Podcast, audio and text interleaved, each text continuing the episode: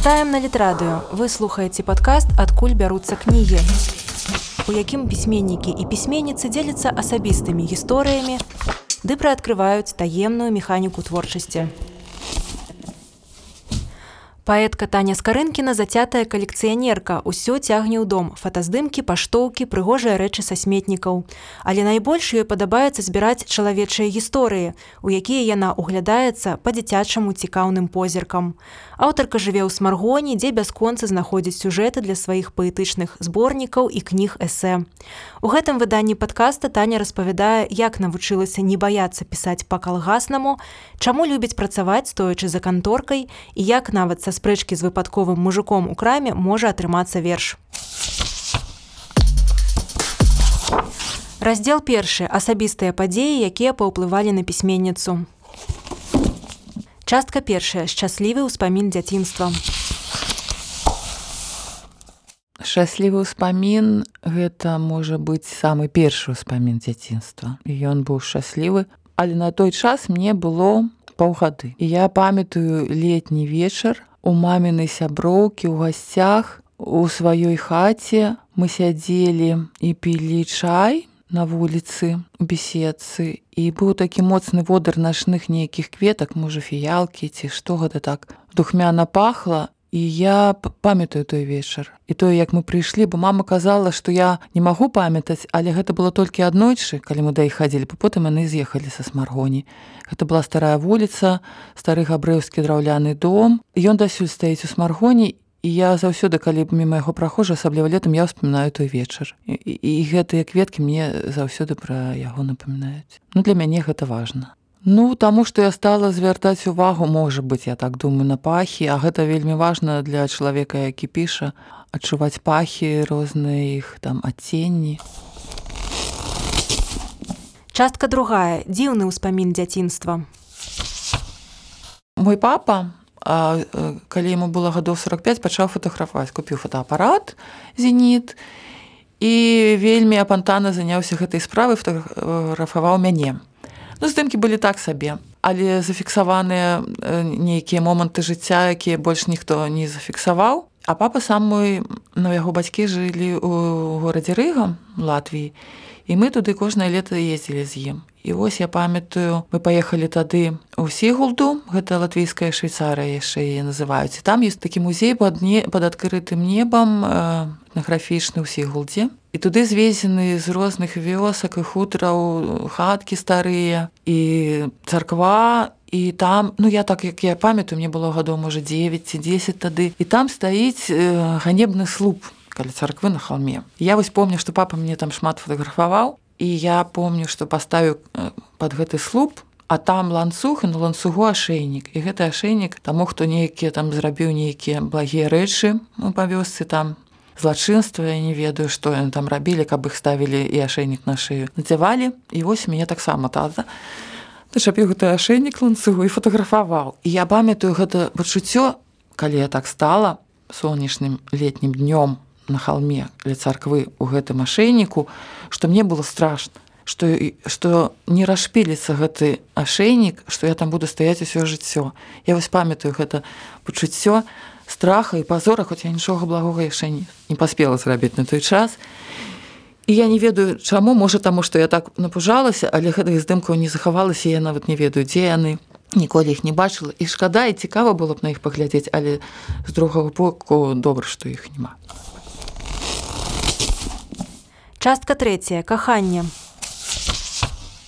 Магу расказаць пра адно каханне дзіцячае таксама. Бо гэта хутчэй смешна чым сур'ёзна. Калі мне падабаўся хлопчык калі я хадзіла ў дзіцячы садок а ён прыязджаў ён не хадзіў ён быў старэйшым я не ведаю да дасюль як яго зваць. Ён прыязджаў і забіраў памоі для свіней двумя вёдрамі на ровар. І я за ім сачыла. І мне вада падаваўся ён такім прыгожым гэты хлопчык сумным вельмі я думаю што яму не вельмі падабалася гэтая справа. І з пустымі вёдрамі ён прыязджаў з поўнымі ад'язджаў я глядзела яму ўслед і я, і я яго кахала мне падаецца. А потым такая цікавая гісторыя што моя сяброўка па твары выйшла за яго замуж і ён скрачасна памёр у 45 то давно уже было он быў старэйшы.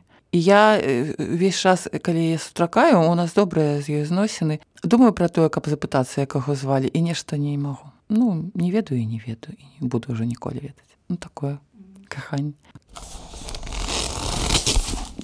Частка чацвёртая месца. А, месца ну можна сказаць што цалкам горад смаргонь але заўсёды вяртаешся ў той дом дзе нарадзіўся а я нарадзілася і першыя гады жыцця жыла у бабулі на вуліцы вілейскай. Я цяпер перайменавалі ў вуліцу каменскага але яна для смаргонцаў заўсёды была і застаецца вілейскай бо яна ідзе ў напрамку вілейкі. Дом нумар 88 шчаслівы нумар.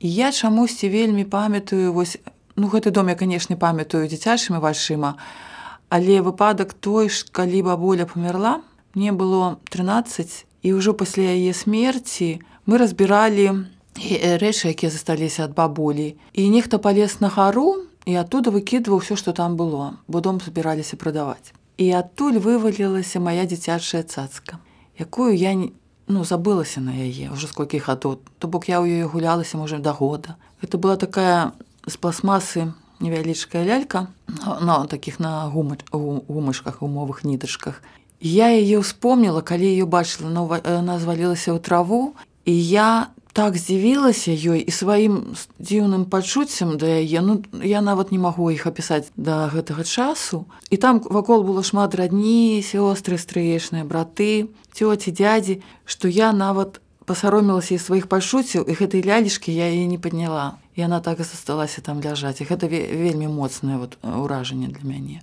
Я не разумею, чаму я яе не ўзяла.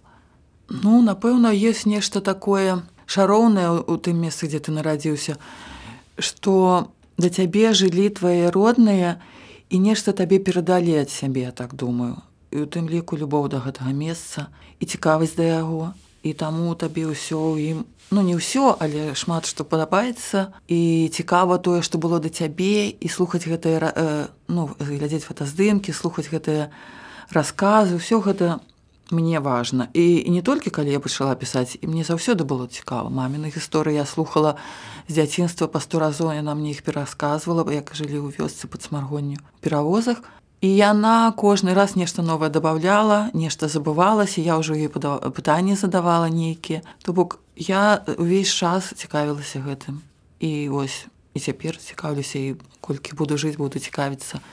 Бо гэтых гісторый вельмі шмат і людзей у а людзей у сямейні якія могуць это ўсё расказаць і вспомніць таму вот я гэтым займаюся напэўна думаю што людзі цікавыя мне таму што я расла ў вельмі вялікай радні у мяне шмат там цётачак дзядзішак сёстраў стрыечных і братоў вялікая радня там бабулі дзядулі яны все хоць і адна радня вельмі розная я за ну ўсё жыццё за імі назірала таму што выявы на наконт якой-нибудь падзеі ва ўсіх былі розныя рэакцыі былі розныя і мне гэта было дзіўна то бок я адразу гэта бачыла і, і у двары у нас много было людзей і ў садку ну паўсюль было много людзей яны былі твае там сябры знаёмы і ўсе такія розныя і ну і ты пачынаеш назіраць параўноўваць з сабой частка пятая. Праца не пісьменніцай Вось у мяне была праца не пісьменнікам Гэта праца, пра якую марыла з дзяцінства, яшчэ калі чытала верш маршака, хто стучыцца дверь ко мне з толстой сумкай на ремне, это он, это он, ленинградскі печтальён. Я марыла быць паштаркай. І гэта мара збылася, калі я кінула вучобу сельскагаспадарчай акадэміі і уладкавалася на пошту Ну доўга расказваць, чаму я кінул вучобу, чаму уладкавалася, але менавіта для таго, каб паступіць зноў на вучобу, мне трэба было недзе папрацаваць, бо толькі працоўныя маглі вучыцца. І я пайшла паштаркай і працавала можа паўгады. І гэта цікавая праца, яна не такая вясёлая, як у вершы маршака, але вельмі цікавая і як для пісьменніка таксама, таму што там не трэба было першую палову месяца разносіць пенсій. То бок заходзіць у кожную хату і з усімі там бальбулькамі на ўскрайчыку горак знаёміцца. І вельмі мы з імі пасябраваліся. І потым, калі ўжо я там не працавала, я іх сустракала ў горадзе і яны ляцелі да мяне, наша любімая паштальёнка, я так іх любіла. іх тых бабулек што мне было шкада кідаць гэтую працу Я думаю што гэта вельмі класна паработаць на любой працы і чым больш тым лепш для таго хто піша Вось я пасля школы працавала два годы на заводзе ў смаргонях. Таксама гэта вельмі цікавы вопыт і, і шмат пра гэта верша напісан і пошта таксама. І я шкадую што я мала працавала на такіх непісьменніцкіх працах. Частка шостая. Хобі. Калі ты маладзейшы у цябе больш ну моцы актыўнасці і ты займаешься шмат чым па-за сваім так сказаць асноўным любімым заняткам таму што не, не ведаеш куды сябе кінуць і там цікава і там цікава таму я займалася там і маляваннем і фотаздымкамі а потым неяк паступова я зразумела што ўсё гэта можна напісаць не трэба нікуды кідацца. Просто сядаеш і пішаш і можна і малюнак напісаць і фотаздымак апісаць і ўсё што табе цікава можна напісаць словамі мне было цікава здымаць калі я жыла нейкі час у Португаліі там вельмі якасныя сметнікі. І ўсяго столькі выкідалі ста, старыя рэчы там ну невядома што я толькі там і адзенне абутак і мэблю і абрусы і цацкі і гэтага ўсяго мне было столькі і я ўсё што магла несла ў хату ну і на вялікі балкон. І там яно ўсё збіралася збіралася а потым я пачала рабіць калажы фотокалажы паступова гэта ператварылася ў нешта большее партрэты аўтапартрэты яно ўсё павялічвалася расло і гэтыя рэчы задумкі А потым так атрымалася, што апошні мой здымак я ўжо павінна была ад'язджаць. Я хацела сфотаграфаваць прадавачку з крамы прадуктовай Наташу. Яна была вельмі прыгожая, вельмі такая крупная дама. І я яна ўжо пагадзілася, я ўжо ўсё знайшла для партрэта, там белую сукенку і папугая я знайшла на сметніку з пластмасы. І ўсё было ўжо прыдумана для яе, і яна захварэла я з'ехала і так ўсё э, склалася ў адно што фотоапарат зламаўся калі я ад'язджала. І вярнуўшыся дадому мне ўжо мои знаёмыя фатографы мне шмат знаёмых фатографаў давалі пазычы свае фотоапараты і я найшла класныя рэчы там для здымка першага нашла мадэль. Але мадэль потым з'ехала. Гэтыя класныя рэчы пад ну у падвале храніліся цёця туды прывезла бульбу і гэта ўсё выкінула. Ну і я зразумела і тут так атрымалася, што я пачала пісаць эсэ і ўсё. Вось адзін занятак перацягнуў на сябе ўсе мае інтарэсы і я перастала фатаграфаваць. Ну я неяк так зразумела, гэта было так яўна, што я ўжо не магу там займацца ні, ніяк. Мне было шкада, а потым нічога прызвычаілася матэрыяльным плане мне гэта не давала нічога гэтыя здымкі я не прадавала мне просто гэта вельмі падабалася Ну я не думала нават э, э, калі пачала гэтым займацца што столькі ідэй у чалавека ў галаве можа быць наконт здымка. Я чатыры гады займалася фатаграфаваннем. Ну вынік быў такі што ў мяне тры мае кніжкі з маімі калажамі на вокладках гэта насамрэч калі расказваць пра кожную асо, а, ну, асобную вокладку гэта цэлая гісторыя. Ну вось мне перад вашыма зараз няма вокладкі Ну напрыклад першая кніжка кніга для чтення в непамяшенні і в памяшеннях яна выйшла ў тринадцатым годзе і там на вокладцы выразаны з вокладкі альбома рэпрадукцыі з птушкамі чырвоны фламінга адзюбона мастака амерыканскага які ўжо ну, не існуе вымер І вось ён мне заўсёды я яго даўно ведаю гэту карціну мне заўсёды вельмі падабаўся. І я менавіта для гэтага фламінга яшчэ не ведаючы што я буду рабіць калаж купіла альбом толькі дзеля супервокладкі каб я каб ён у мяне быў. Мне астатнія птушкі там не, цікавілі самрэч і ён быў вельмі вялікі і адзюбон гэтых птушак сам забіваў рабіў пудзела. І каб яна у фармат ягоных карцін уваходзіла ён яе так маляваў што яе сагнутая шыя. І потым я знайшла чырвоны парасон белую такую типа калону вазу. Потым я мне былі шампіньёны я іх рассыпала і вось яны мяне склаліся ў адно. І э, такая была ў яго назва у гэтага калажа пасля грыбнога дажу то бок не пра якую вогу такую шэй размова не вялося. Кніжка выйшла праз некалькі гадоў. І пра нейкія кніжкі размовы не вялося. Она просто сама по сабе ось мне падабалася такая прыгожая. Насамрэч гэта ўсё натура моя калекцыянера. Все цягнуць да сябе. Бо я з дзяцінства збірала там календарыкі паштоўкі з акторамі там навагоднія маркі значкі там ну все на свеце. У меня былі гіганцкія калекцыі не ведаю як я іх там збірала. Потым я паехала вучы за гэта ўсё праздавалі. Гэтага ні, нічога не засталося. А збіраць ўсё роўна хочацца. Я так думаю што гэта ўсё перарасло у калекцыянаванне гісторыі пра людзей. І я просто іх збіраю як раней вось гэтыя рэчы каб яны мяне былі. А кніжкі гэта напэўна такая по тыпу замена выставы калекцыянера вось гэтых гісторый. Каб яны былі разам каб хто захоча мог іх пабачыць. Частка сёмая. Іншы пісьменнік. Ну вось доўгі час я шукала цікавых вершаў, а іх усё не было. Не выдавалі, не давалі, но я адчувала, што яны павінны недзе быць. Ну не можа быць, каб не было цікавых аўтараў. Мне больш паэзія цікавіла. І вось нарэшце з'явіліся напрыканцы 80-х надрукавалі вялікім тыражом, я памятаю гарсе лорку. Вось ўжо перачытаны перачытаны. І потым паступова з'явілася шмат цікавых паэтаў, Але самы цікавы для мяне я тады купіла кнігу паэта лаўрэата нобелеўскай прэміі. Там э, былі вельмі цікавыя вершы, але мне спадабаўся больш за ўсіх чэслаў мілаш. Все, все вершы ў падборцы мне падабаліся, я іх вывучыла на памяць і паступова я разумела, што пераклады добрыя, але каб вось пачытаць іх па-польску і прайшло ну, нейкіх можа 5 гадоў і я потрапіла ў госці да сваей радзіны ў варшаву. Там мамін стрыечныя жылі сёстры і браты две сястры два брата. І мамін старэйшы стрэчны брат купіў мне там кніжку мілаша вершаў. І вось таго часу я пачала чытаць па-польску. І шмат чаго прычытала мілаша па-польску. Нават некалькі ведаю вершаў на памяць на польскай мове мілаша. І і ён увесь час мне цікавы Вось я цяпер чытаю. І дзякуючы мілашу я вывучыла польску ну не, не, не тое каб я магла размаўляць таму што я мне практыкі мала але чытаю ўжо гадоў 8 па-польску вельмі шмат прачытала літаратуры класнай польскай. На гэтай мове дзякуючы любімому паэту. Частка восьмая. Вандроўка.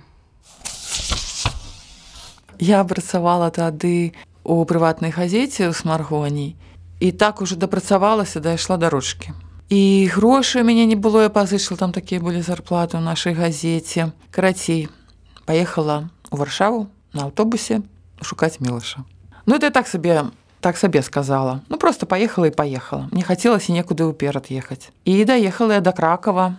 Мілаша я там не знайшла не ведаю нават жыў ён тады ў той час Ну, але ён быў жывы яшчэ ён яшчэ не памёр ён доўга пражыў ён пражыў можа 92 гады. Ну я гуляла па кракаву ў надзеі, што вось ён тут недзе побач і нават купіла па-польску яго некалькі кніжак на вуліцы, але не прачытала іх толькі нядаўна. То бок ён мяне ну, звазіў такое класнае падарожжа, за што яму вельмі ўдзячная. Шкада, што не сустрэла, ну не лёс. Сустрэла я яго як паэта, але не як чалавека. Раздзел другі творчыя прыёмы. Частка першая пісьменніцкія рытуалы.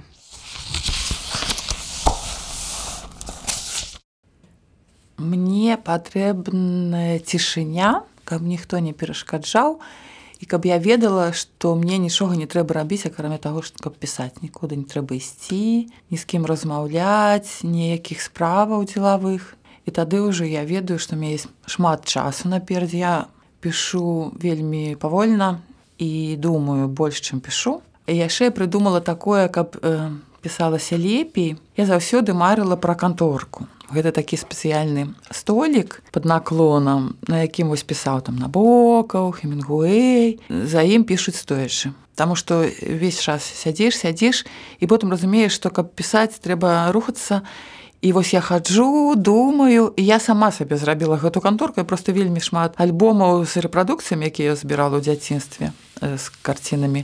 Кладу адзін на адзін і зверху уже стаўлю ноутбук гэта мне такая канторка. І тады мне цікавей гэта рабіць.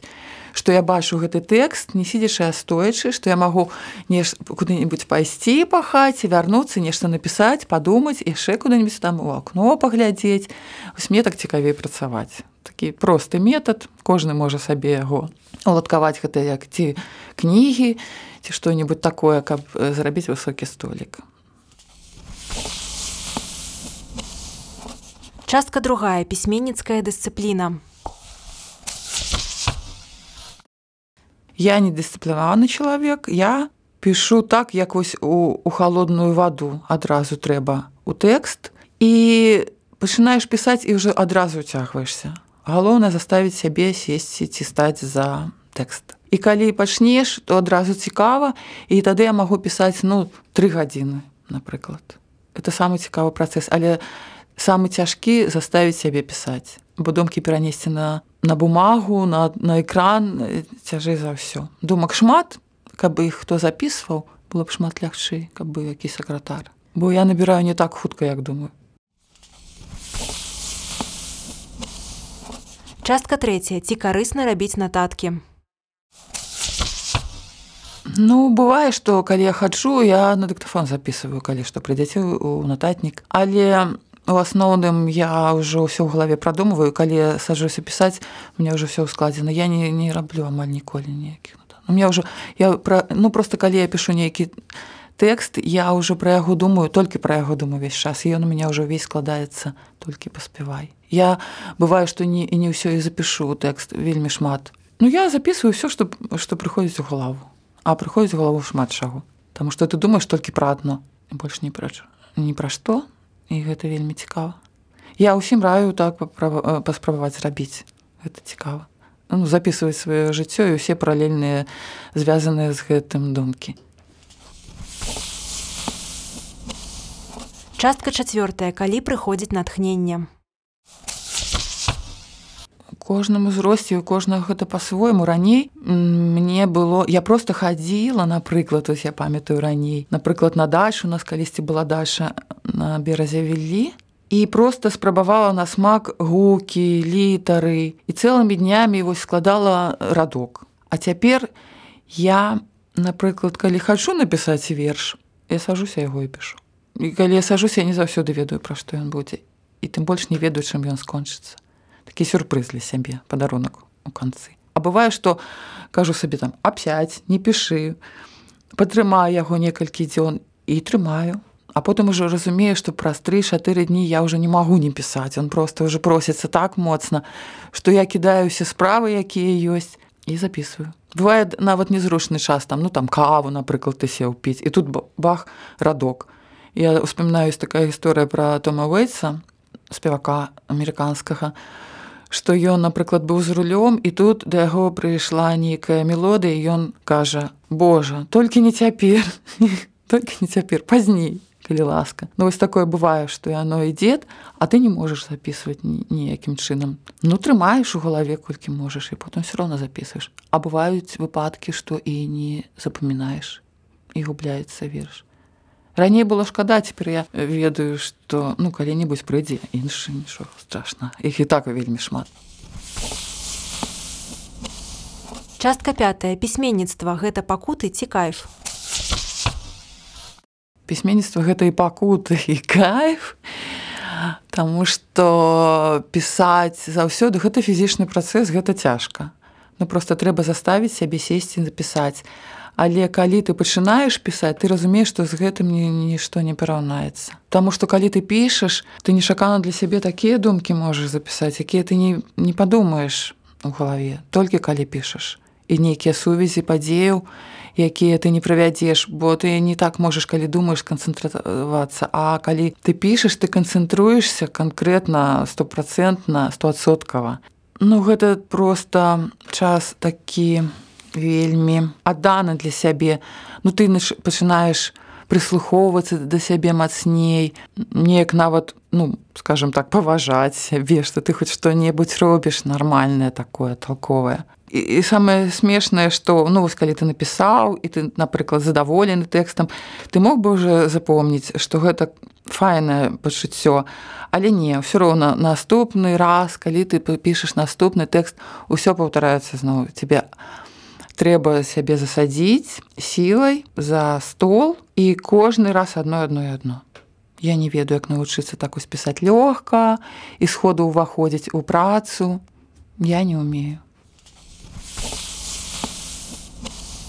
Частка шостая пісьменніцкія страхі і як іх перамагчы. Сказаць па праўдзе мяне няма такіх страхаў. Мне, напрыклад, наадварот страшна, што няма прэзентацый. Я люблю прэзентацыі. Я люблю, калі людзі прыходзяць з табой паразмаўляць і паслухаць. І этого так даўно не было, што я б наадварот павыступала. Таму што губляеш практыку размоваў з вялікім залам, я ўжо не памятаю, калі гэта было а наконт чысты аркуш альбо там не ведаю крытык А што мне крытыкі там цяпер такая і крытыкі ніякай не мае нічога кніжкі выходзяць сабе. У меня прэзентацыю ўжо вельмі шмат не было выйшла тры кніжкі без прэзентацый. Вось гэта мне страшна што нічога не адбываецца вакол кніг і як раней это было. Частка сёмая. Адкуль бяруцца сюжэты? Ну я такія сюжэты што яны самі з'яўляюцца. Я ж не ведаю што пра што я захачу напісаць.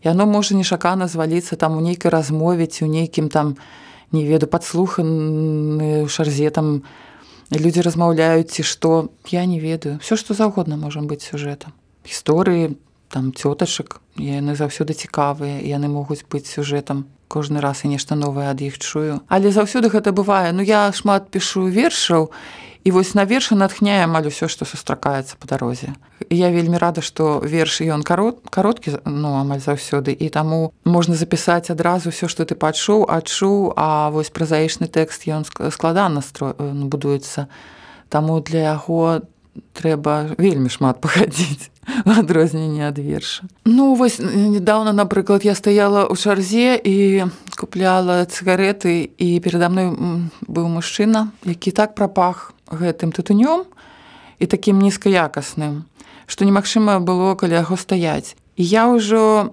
зразумела, калі ён пакаваў сваю торбу і ён купіў там гэтых цыгарэт цэлы заплечнік, што нешта адбываецца. Вось я ўжо гэта прачувала, што нешта зараз мне скажа і гэта будзе напэўна верш. Таму што я мала езжу цяпер і амаль нічога такога значнага не адбываецца, што ўжо з такой вось падзеі, з такой сустрэчы незначнай э, гэта ўжо нешта такое амаль эпас. Ён сказаў: « Не трэба купляць гэтую гадасць. Калі я купіла пачак цыгарет э, кэмэл з нейкім там пахам уже там чарніцу ці не памятаю што, то бок яны не ванючыя адрозненне ад яго. І вось ён так сказаў і я адразу зразумела што я прыду домой і напишу пра гэта верш. Частка восьмая першы чытач. Я нікому не показываю ось я пішу верш і пошу яго фейсбук і мои першыя чытачы усе хто чытаюць ты верш. І мне заўсёды дзіўна што яго чытаюць нават нешта пра гэта пішуць мне. Таму што я пішу для сябе Ну каб зафіксаваць вось гэты нейкі такі як маланку такую думку дзіўную для мяне. На заўсёды мне дзіўную кожны верш я б не пісала каб я не шакала што гэта будзе нешта дзіў і потым я пошу каб усіх парадуюць і все так радуюць. Ну я так думаю. Ну я так спадзяюся. Ну чытаюць. Жыць лягчэй становіцца пасля гэтага Частка 9 ці ведае аўтар, чым скончыцца твор.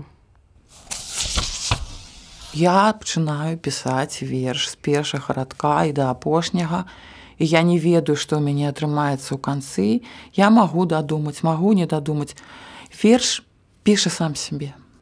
Гэта для мяне такая праца, гэта не праца нават. Гэта нейкае такое такая справа сама ў сабе. Я не, я не ведаю, як оно атрымоўваць. Вось таму я і пішу, што гэта для мяне загадка. Яно даецца дадумаць сябе, а бывае, што не даецца. А чаму так адбываецца, я не магу сказаць. Частка 10 як пачаць пісаць. Я пачынала самага дзяцінства. Можа, гадоў мне было 8. Ну я не сама пачала пісаць у нас у двары жыла бабуля і дзядуля валакжаніны. Яны былі ветэраны вайны, яны жылі вельмі дружна і мы да іх усім дваром хадзілі. Іх было шмат кніг, яны любілі дзяцей, у іх была ўнучка Лена. І бабуля нам давала заданні пісаць нейкія вершы, конкурс. Адзнакі ставіла. Ну тады мы ўсё выдумлялі, чога свайго не было. І насілі ёй гэтыя паперкі. І вось яна натхніла, я думаю, было цікава. Все чыталі ўслух слых і бабулю любілі і хацелі, каб яна да нас ставілася як можна лепш. Ну хто як дабіваўся. Мы ўсе пісалі вершы тады ў двары павальна. Але вось э, пра, працягваю толькі я з усёй кампаніі.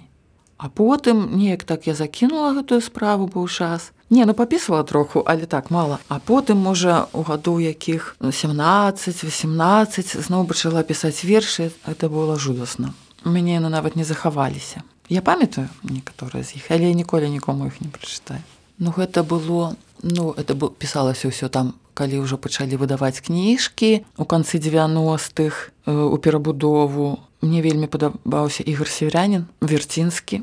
Я чамусьці упершыню я пачула не яго песні, а менавіта тэксты нейкім часопісе былі. І я думала, што гэта вельмі класны паэт. А калі пачула, як ён спяваю, то поняла зразумела, што гэта і спевак выдатны. І вось я такое нешта дэкадэнскае пісала. Гэта была не я ў гэтых вершах. Ну мне падабалася быць такой, як я ў гэтых вершах. Нешта такое меланхалічнае, а насамрэч я не была меланхолікам. Ну вось. І таму я нікому гэтай вершы не прачытаю. Але я ведаю чалавеку, якога захаваныя гэтыя ўсе вершы. Маёй рукой напісаныя. Это моя траюрадная сястра. Я пісала ёю ў лістах. Мы з ёй ліставаліся доўгі час і вельмі сябравалі ў гэтым узросце. І вось я дакладна ведаю, што ёсць калі што, то можна звяртацца да яе. А ў нас з ёй імя прозвішча аднолькавае імя па бацьку. Так што шукайце Таню, другую таню з карынкі.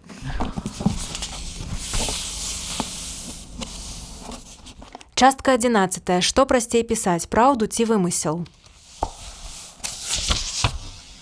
Я магу пісаць толькі пра тое, што я добра ведаю рэаліст я рэаліст гэта лягчэй за ўсё ты просто глядзіш слухаеш записываешь і перапісваеш тое што чуеш гэта прасцей за ўсё гэта і табе цікава і не трэба нічого ну я б хацела навучыцца выдумляць но я не умею. У вершах яшчэ так сяк магу а рэальнае жыццё яно такое густое што там нож не пройдзе і толькі паспявай. Частка 12. Ці этычна браць гісторыі іншых людзей. Ну унутраны цэнзар заўсёды ёсць. Я ж яшчэ ў газеце працавала, я ведаю, пра што можна пісаць пра што нельга і бывае вельмі шкада, што самае цікавае напісаць нельга. І я гэта разумею уже ну не думаючы на аўтамаце.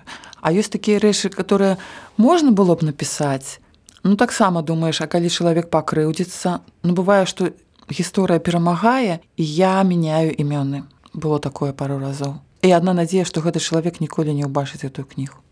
Я нічога адмоўнага ні пра кого не пішу, ну як з, ма з майго пункту гледжання.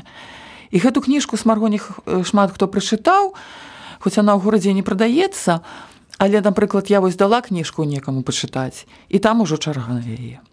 9 10 мне доўга-доўга не вяртаюць таму што чытаюцеся там суседзі родныя знаёмыя і ўсім гэта кніжка падабаецца таму што гэта пра былое горада і яно ўсім мілае яно ўсім падабаецца усім там утульна Ну ніхто у смаргоне ніхто не крытыкаваў кніжку усе усе усе мяне падабаюць усім на да душы Ну я люблю старую смаргонь у якой я не была я конечно я ідэалізую в нейкім сэнсе як і ўсе людзі і таму кніжка такая у нейкім сэнсе папулярная сярод смаргонцаў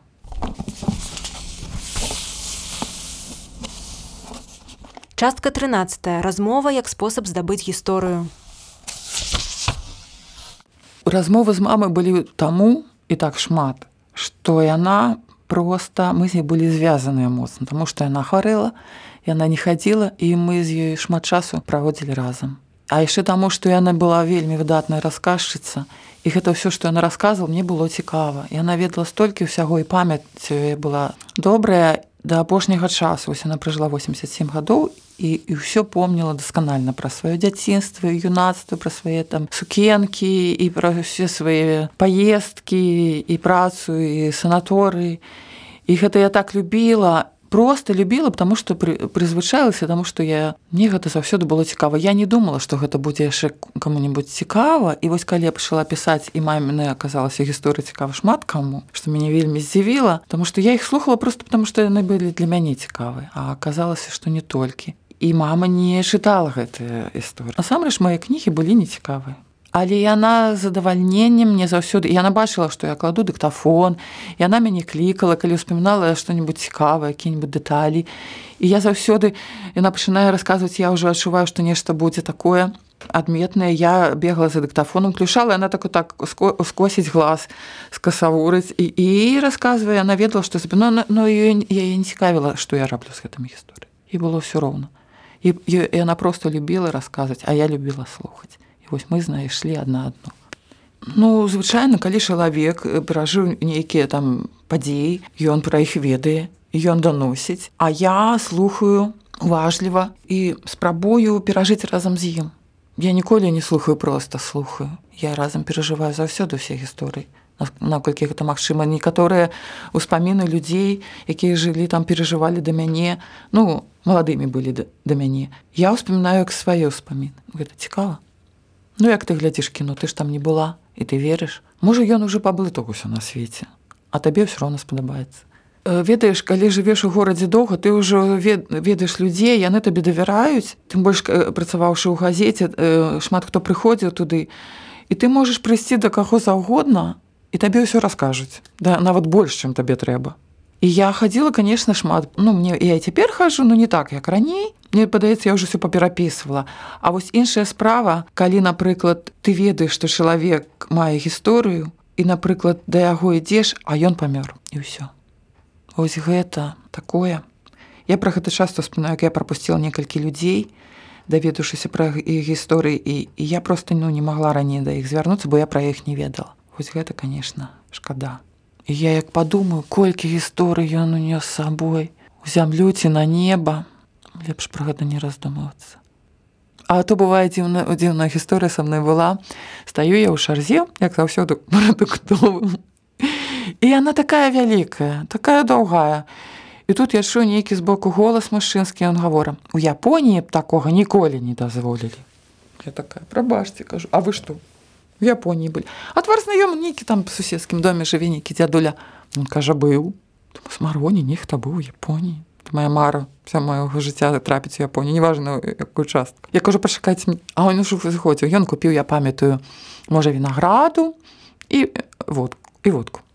Такі ускораной курсы такі модны старыкашка і пайшоў чакае мяне і мы з ім разам пайшлі і вось выявілася што ён разам са мной працаваў ну у іншы час працаваў на заводзе на зосе да, а завод аптычнага станкабудавання у нас такі ёсць ну не он уже зачыніўся напэўна быў са ўсяго саюза ехалі туды працаваць людзі і ён быў наладчык гэтых станкоў это рэдкая вельмі прафесія і і ў Японіі цэлы месяц ён іх наладжваў уяўляеш у 80-тые гады калі ніхто наогул за мяжу не ездзіў і мы з ім так класна час А потом я маме прыхожу кажу ну там прозвішча яго называю мам конечно яго ведаю ну і такую пра яго гісторыю сказала ну карацей пра яе вось как раз і не раскажаш у тэксце так что ну верш я написала і пра яго і пра маму і пра то як мы з ім палілі под бэзавымі кустамі.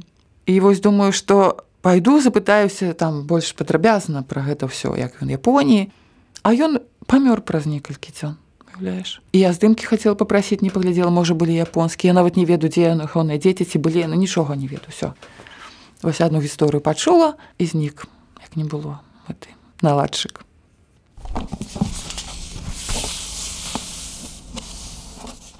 частка 14 як знайсці свой голас? Ну па-першае яго не трэба шукаць. Ён ужо ў кожнага закладзены свой. Але каб яго ну неяк так агучыць гэта непросто. Я вось не адразу навучылася пісаць ну і, і я і не вучылася пісаць. Просто мне так пашчасціла што я потрапіла працаваць у раённую газету прыватную. І доўга мне нічога не, не атрымлівалася. Мне ж няма ну адукацыі на журналісткай ні філалагічнай ніякай. І так і сяк. А там у нас быў такі адзін журналіст і аднойшы ён бачыў мае пакуты і мне даў параду якой я карыстаюся па сёння. Ён мне сказаў адзін і сказ он сказаў не бойся пісаць па калгаснаму ну то бок не бойся пісаць вот як як гаворыш. Вот як ты размаўляеш так і пішы выстраивать там фразу выбудоўваць. Усё гэта вось ну напрыклад я думаю что гэта можна паспрабаваць зрабіць так. Нешта самому сабе расказаць на дыктафон і потым перапісаць гэта на аркуш напрыклад. Ну я так не рабіла. Мне не было часу там что у газеце трэба было пісаць вельмі хутка. Ну просто я адразу стала пісаць так як я пишу цяпер. Ось гэта все артыкулы газетныя альбо ўзяць напрыклад под некага пачаць пісаць хто табе падабаецца ну не ведаю. І хто піша просто ну напрыклад даўлатаў. Прабачце. Ну, так ён вельмі проста строіць свой радок і потым мне падаецца можна паступова перайсці і на сваю мову уласную ось я памятаю як я пачала пісаць вершы якія мне сталі падабацца. Мне было гадоў можа 19-20 калі я не ведаю уже нават где убачыла кніжку вершаў хлебнікова я яе прычытала ўздоўжую поперак і стала пісаць под хлебнікова і потым голас ужо зрабіўся свой з хлебнікова перайшоўшы. Ну я зразумела што можна пісаць як хочаш когда калі пачытала хлебнікова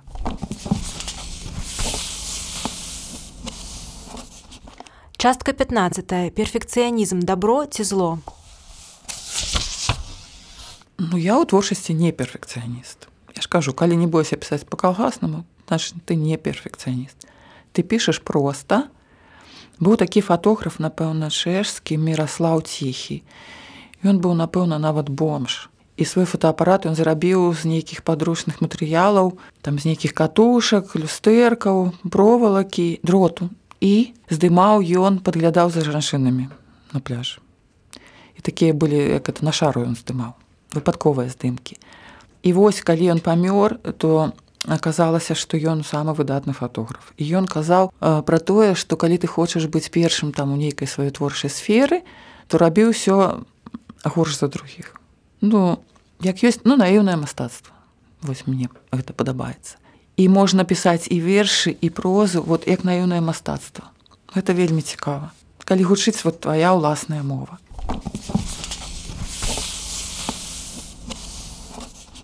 Частка 16 чарнавікі. А э, раней я пісала э, чарнавікі у сшытак, а потым я іх набі, ну, набірала гэтыя тэксты і я заўважыла, што я ніколі не гляжу ў чарнавік. Ну я запісала і запомніла. І потым калі ўжо я набіраю чысты тэкст, я ўжо ўлічваю тое, што я напісала ў чарнавіку і ніколі туды не гляжу. І я перастала пісаць чарнавік ну, каб час не, не марнаваць сшыткі. Частка 17 што найперш сэнс ці форма? Калі я пішу я пра сэнс не думаю. Я хутчэй так так как я любіла і маляваць і фатаграфаваць усе жывапісе фатаграфію то я канструюю фігуру аб'ект ну як скульптуру. Мне трэба каб гэта быў такі вось аб'ект з усіх бакоў прыгожы. Я магу шмат што выкінуць адтуль калі я бачу што яно выпіра выпіраецца перашкаджае ансамблю. Ну я так раблю. Трэба бачыць гэта цалкам. І пакуль я не дапішу вось так каб гэта была фігура паўнавартасная я не спынюся ну так лягчэй. Зробіш нейкі каркас і ўжо туды ўнутр устаўляеш все гэтыя кавалкі тэксту як малюнак і вершы таксама я вершы і апавяданні вось калі ўспамінаецца якія ці хто напомніць я ўспамінаю іх як нешта цельнае і аб'ёмнае я нават чытала памятаю пра кампазітара таго што ён адразу бачыў твор ну вот якасны ён альбо не па форме усяк яно выглядае знешне І вось я на вершы і чужыя гляжу таксама. Калі мне падабаецца форма верша, я ведаю, што ён файн і так будзе, што ён файн. А калі ён нейкі такі вось развалены ў раз, розныя бакі і не выглядае прыгожа цалкам, то я ўжо адчуваю, што там не будзе толку і так заўсёды адбываецца. Там няма формы цэльнай, можна не чытаць. Частка 18 гісторыі, якія прыцягваюць гісторыі. Як складаецца апавяданне напрыклад. Гэта было жыццё смерць кузурак і я памятаю як з чаго гэта пачалося што я чытала дзённік аднаго генія сальвадора далі і ён апісвае што піша одну карціну і яму перашкаджаюць мухі. Ён не можа іх прагнаць таму што піша рукі ў яго занятыя. Я перагортваю старонку і мне на калені выпадае сохлая здохлая муха. І я чамусьці ўпэўнена што гэта менавіта тая муха якая перашкаджала далі. І я канешне адразу же записываю ну і так пачынаецца гісторыя якая прыцягвае да сябе ўсё пра кузурак пра што толькі можа быць. Я таму пісала вельмі доўга што гісторый гэтых было вельмі шмат я неяк не магла скончыць. Вось таксама была такая калекцыя у калекцыі гісторыі калекцыя пра насякомых. І гэта было так класна што вось, вось калі я сабе зайздрошся то калі я гэтым займаюся менавіта адразу гэта і записываючы Ну гэта бывае амаль заўсёды калі гісторыя прыцягвае да сябе гісторыі. Гісторыя якая ну не для гэтага нужно прыдумаць такі сюжэт каб яно прыцягвалася. І гэта калі бывае цікавым то ты толькі ідзеш і збіраеш як, як я гаду лесе. Гэта заўсёды дзіўна я не разумею як это атрымоўваецца. Напэўна гэта ёсць некая фізічны закон можа такі. Ну я пра такі не чула Частка 19 майстэрства канцоўкі. Ну бывае, што складана, таму што ты да яго ўжо прызвычаюся за твора, калі ты пішаш, ты прызвычайваешся да гэтай тэмы і шкада проста развітвацца з ёй. І ты ацягваеш, ацягваеш хвіліну, ну разумееш, што яно калі-небудзь скончыцца. А бывае такое, што ну вот оно неяк так кажа быццам бы табе. Всё, ты ўсё напісала, што магла для гэтага. І потым можа бывае даже праз некалькі год пасля кнігі бывае працяг. І так шкада што ты не можаш дапісаць у кнігу. І такое было некалькі разоў. Некаторыя гісторыі не, не сканчваюцца ну не маюць канца. Добра ці блага не ведаю. Мне шкада што я ў кніжку уже не ўпішу. Яшчэ одну канцоўку яшчэ яшчэ Таня Скарынкіна піша свае творы стоячы за самаробнай канторкай. Пісьменніку Адаму глобусу неабходны шум вялікага гораду. А Тацяна Заміроўская прыдумляе апавяданні ў фонавым рэжыме мозга падчас штодзённай руціны. У падкасці літрадыё адкуль бяруцца кнігі, беларускія аўтары і аўтаркі дзеляцца ўласнымі творчымі правіламі. Падпісвайцеся на нас у соцсетках.